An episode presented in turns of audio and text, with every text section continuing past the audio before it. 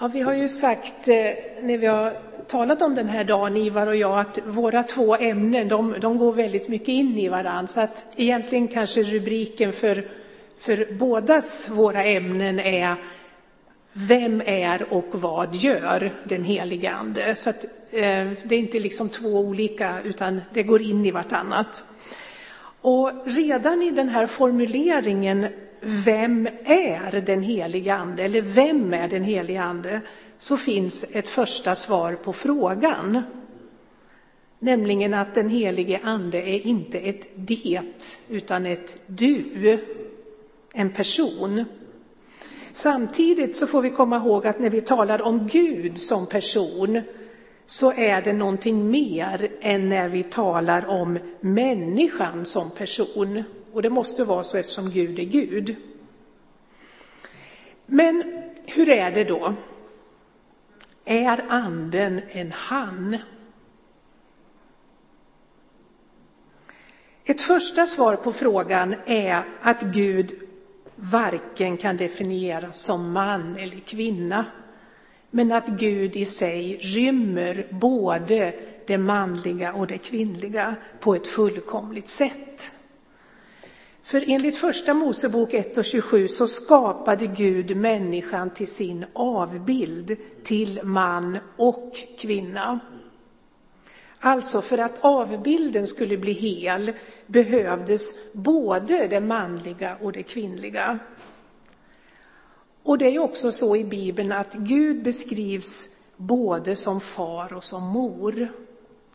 Och det finns bilder för Gud både med manliga förtecken och med kvinnliga förtecken. Men varför står det då han i våra biblar? Och varför säger vi oftast han? Ja, i hebreiskan, i Gamla testamentets grundspråk, så är faktiskt anden femininum.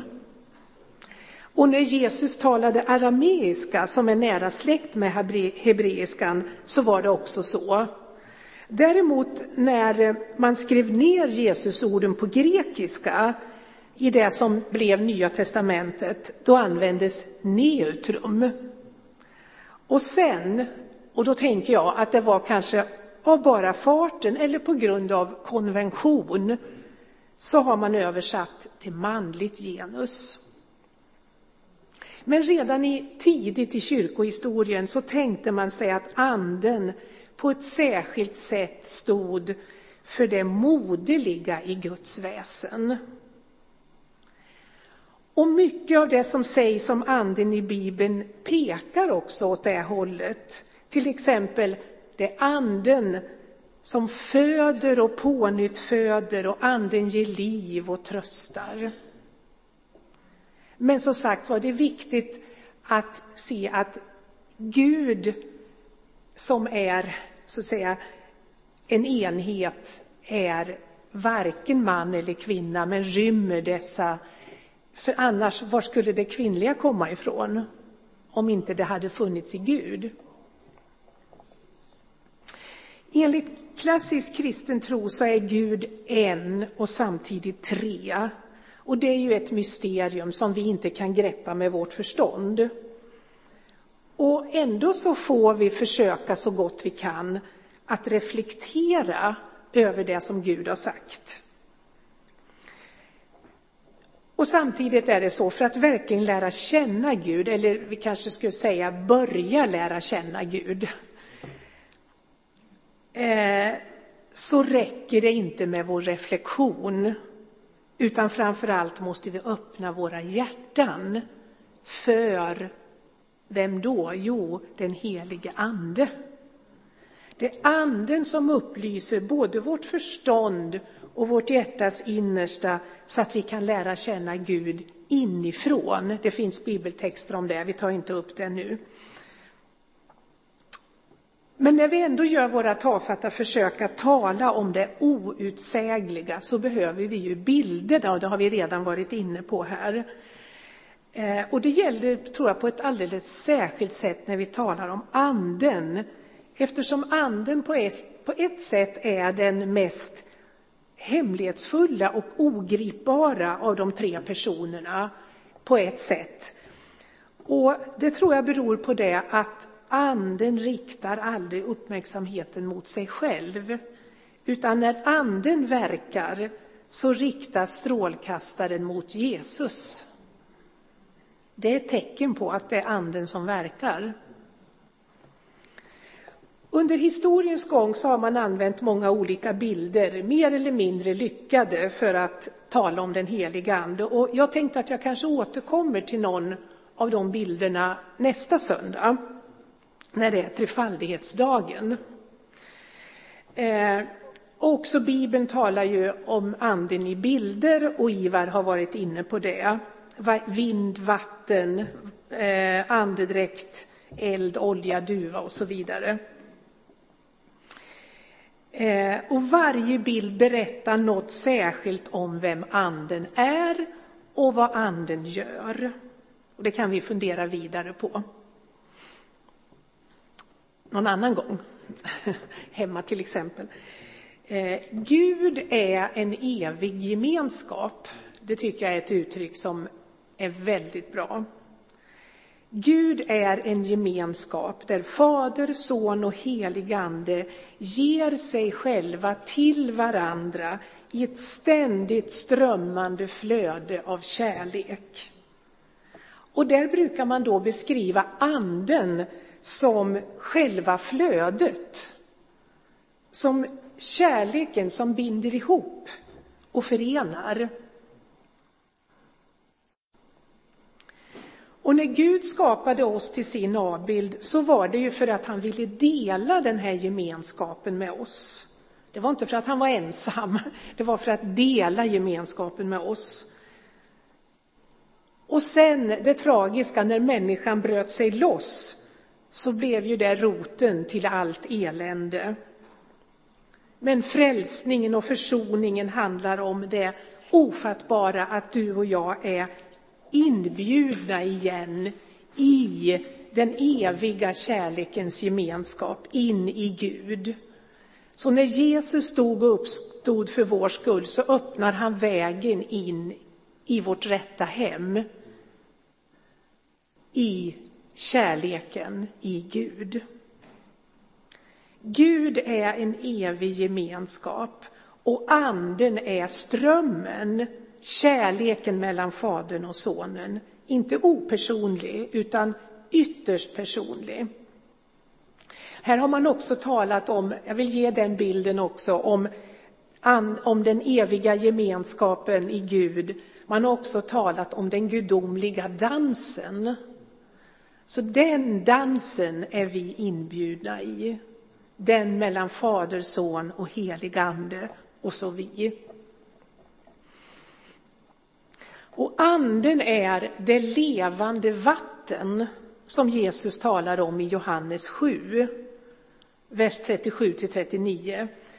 Och när vi öppnar oss och dricker så blir anden, alltså strömmen mellan oss och Gud och också mellan oss som Guds barn. Och då tänker jag osökt också på Jesu liknelse om vinträdet, hur det strömmar i trädet och hur det hör ihop, hur det lever och växer. Jesus säger inte uttryckligen i den liknelsen att anden är saven, men så tänker jag i min fantasi vidare att det kan vara så i, i den liknelsen. När Gud ger oss den helige ande så är det ingenting mindre än sig själv som han ger till oss. Han ger oss sin egen kärlek, den eviga. Och som Paulus skriver i Romarbrevet 5 och 5, Guds kärlek är utgjuten, utgjuten i våra hjärtan genom den heliga Ande som Gud har gett oss. Och i vinträdskapitlet, Johannes 15, så säger Jesus i vers 9, jag vill ta med det också, även om det inte står om anden där. Liksom Fadern har älskat mig, så har jag älskat er. Bli kvar i min kärlek. Det är någonting av det mest ofattbara. Att Jesus älskar oss med samma kärlek som han får av Fadern. Och vilken kärlek är det? Jo, det är den helige Ande. Bli kvar i den kärleken, säger Jesus. Bli kvar i den heliga Ande, låt er uppfyllas av helig Ande. Eller som det också kan översättas när Jesus säger bli kvar i min kärlek, så kan man lika gärna översätta bo i min kärlek. Gör er hemmastadda och rotfasta i min kärlek. Låt min kärlek vara ert hem. Alltså, vad gör anden för oss? Jo, anden låter oss erfara Guds kärlek och fyller oss med Guds kärlek. Johannes 15 ingår ju i Jesu avskedstal som är kapitel 14 till 16 där Jesus förbereder lärjungarna på hur det ska bli när han är borta. Och det är då han berättar om anden som ska komma i hans ställe. Han säger till exempel, vi har hört om det redan, att Fadern ska sända en annan hjälpare.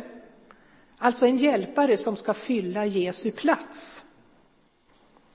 Och nu vet inte jag hur det var i arameiskan som Jesus talar, men när lärjungen Johannes berättar om det här på grekiska, då hade han möjlighet att välja mellan två olika ord eh, för en annan. Han kunde ha tagit ett, han, han kunde välja mellan en annan av samma sort eller en annan av en annan sort. Och gissa vilket han valde? Av samma sort. Jesus skulle alltså sända en hjälpare, inte olik Jesus, utan en av samma väsen som Jesus. En som är Jesus för oss här och nu.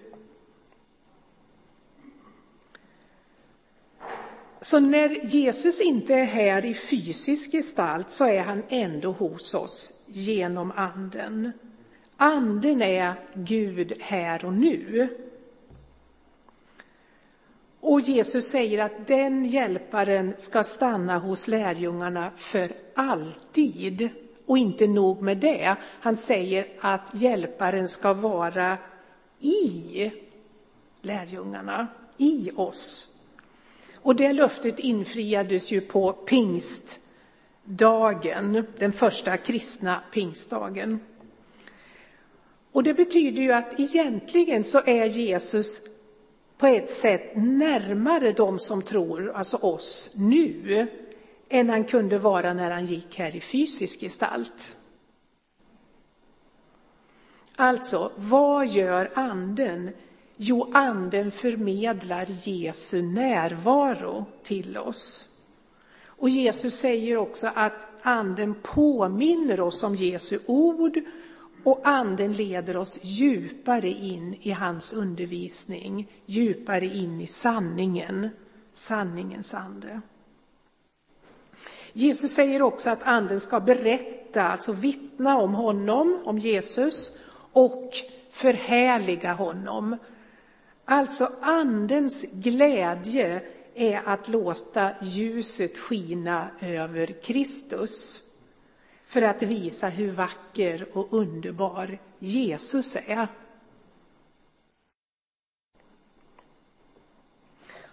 Och vi har också redan läst eh, orden på Bibelns första blad om Guds ande, roach, som en vind eller en andedräkt som var och som också är aktiv i skapandet och skapelsen.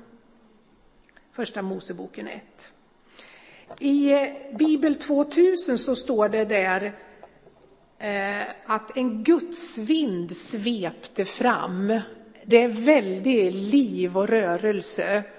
Härligt. Men jag tycker också om en annan möjlig översättning. Att vinden, eller anden, det är samma ord, ruvad över vattnet. Och också det hade Ingemar med i sin inledningsbön som var en underbar sammanfattning av hela dagen. Eh, anden ruvad över vattnet, alltså tankarna går till fågelmamman som ruvar sina ägg för att ge kraft till liv. En moderlig bild alltså. Vad gör anden? Jo, anden skapar och ger liv i begynnelsen och idag. Och här är ett bibelord som vi också har haft med, psalm 104.30. Du sänder din ande, då skapas liv. Du gör jorden ny. Den förnyande kraft som verkar när frusen vinter blir spirande, grönskande vår och sommar är ytterst sett Guds helige ande. Tänk den tanken. Och det är samma ande som skapar nytt liv i oss genom frälsningen och som förnyar det livet och som skapar frukten, kärlek, glädje, frid och så vidare och så vidare. Det är vackert, precis som eh, när man går ut och tittar. Frukterna, det är ju förresten Jesus, det är Jesu liv. En annan hjälpare av samma sort. Eh, och vi har också hört i inledningsordet här om eh, hur anden hjälper oss att befrias ifrån det som vi kallar köttet, alltså de gamla, det som tillhör det gamla livet. Eh, så det är förnyelsen där också. Eh, du sänder din ande, då skapas liv. Du gör jorden ny, också våra liv. Med det som Gud vill se. Gud kan låta öknen blomma genom sin ande, genom det vattnet. Jesus han talar ju också om anden som en livgivande vind. I Johannes 3, eh, som berättar om ett nattligt samtal mellan Jesus och en sökare. Nikodemus har ju kommit till Jesus, han bär en djup längtan efter någonting mer än det som han har hittat och fått grepp om genom sin stora kunskap, kunskap i Bibeln. Och Jesus han går rakt på kärnfrågan. Han säger sannerligen jag säger dig, den som inte blir född på nytt kan inte se Guds rike. Och Nikodemus svarar, hur kan någon födas när han är gammal? Han kan väl inte komma in i moderlivet och födas en gång till? Och då svarar Jesus, sannerligen jag säger dig, den som inte blir född av vatten och ande kan inte komma in i Guds rike. Det som har, har fötts av kött är kött och det som har fötts av ande är ande. Var inte förvånad över att jag sa att ni måste födas på nytt. Vinden, eller anden, blåser vart den vill och du hör den blåsa, men du vet inte varifrån den kommer eller vart den far. Så är det med var och en som har fötts av anden. Född av vatten och ande. Här har vi återigen den moderliga bilden av Gud. Och Jesus säger att det är bara genom anden som en människa kan bli född på nytt.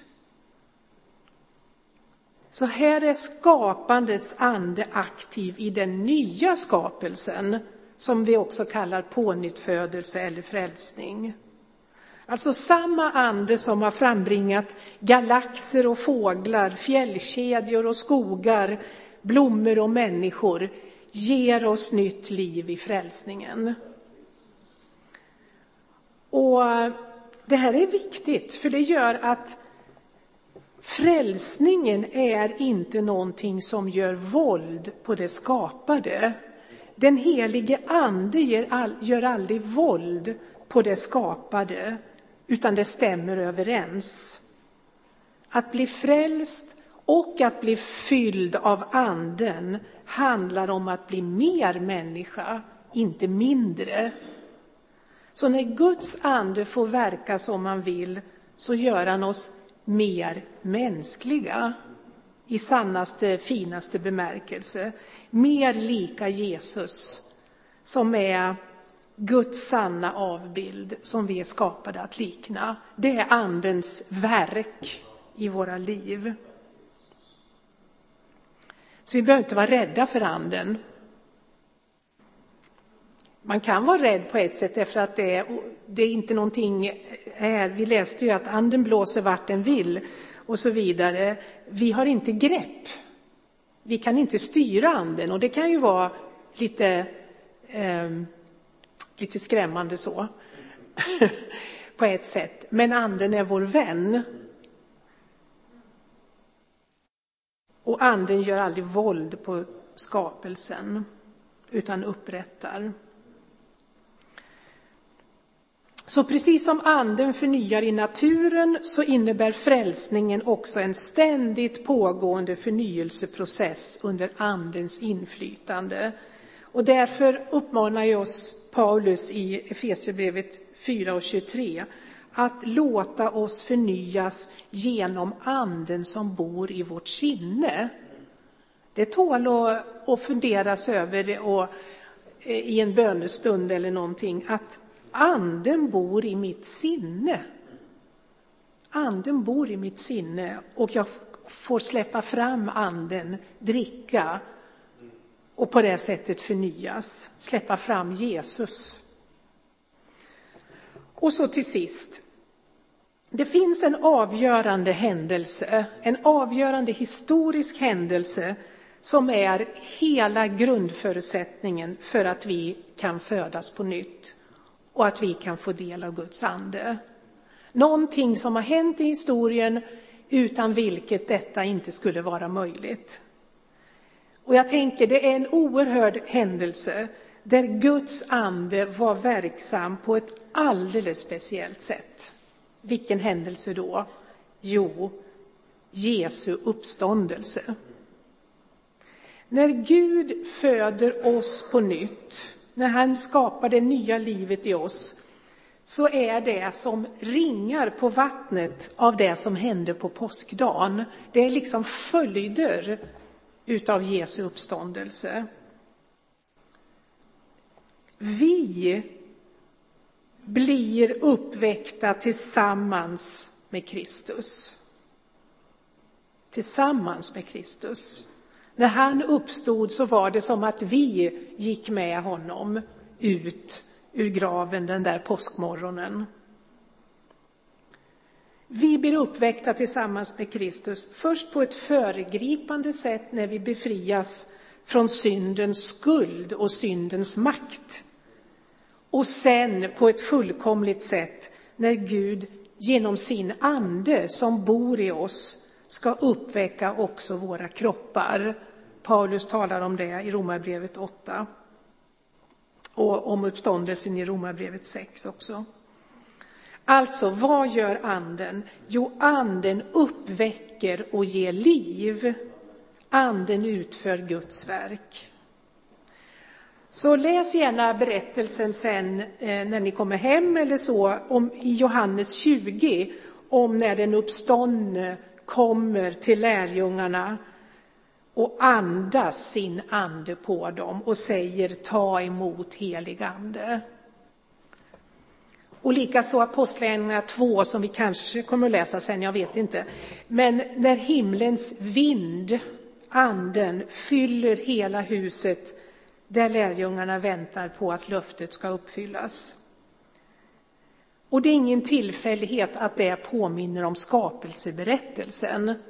För det som sker på pingstdagen är inget mindre än en ny skapelse, ett livets under där gudsvinden, anden, sveper fram med kraft för att skapa en ny mänsklighet. Och när lärjungarna väntar där på att det här ska hända, vad är det som är vad är det som utmärker lärjungarna? Vad, är det, vad står de för, så att säga, i den här händelsen? Ja, de står inte för att de var felfria, eller, för de hade misslyckats väldigt under påsken. De flesta av dem i alla fall. Men vad var det som utmärkte dem? Jo, det var förväntan. Jesus hade sagt vänta där, så de kom dit med förväntan och det var då det hände, det som Jesus hade sagt. Och det finns ett samband mellan påsk och pingst. Den helige ande, alltså pingsten, gör i, i oss det som Fadern genom Sonen har gjort för oss på påsken. Så påsken och pingsten går inte att skilja åt. Tack Jesus. Tack Jesus. Tack Jesus för att du bor i oss genom den helige Ande. Att Guds kärlek, Guds eviga kärlek är utgjuten i våra hjärtan som ett levande friskt vatten. Din kärlek, din förnyande, ständigt förnyande, livgivande, oövervinneliga kärlek. Vi ber om att få vandra med dig så att vi ständigt dricker av din ande så att den får förvandla våra liv. Och vi ber om resten av den här dagen att det ska få bli tillfälle när vi får dricka från din källa, när vi får fyllas av din ande, när vi får se Jesus. Amen.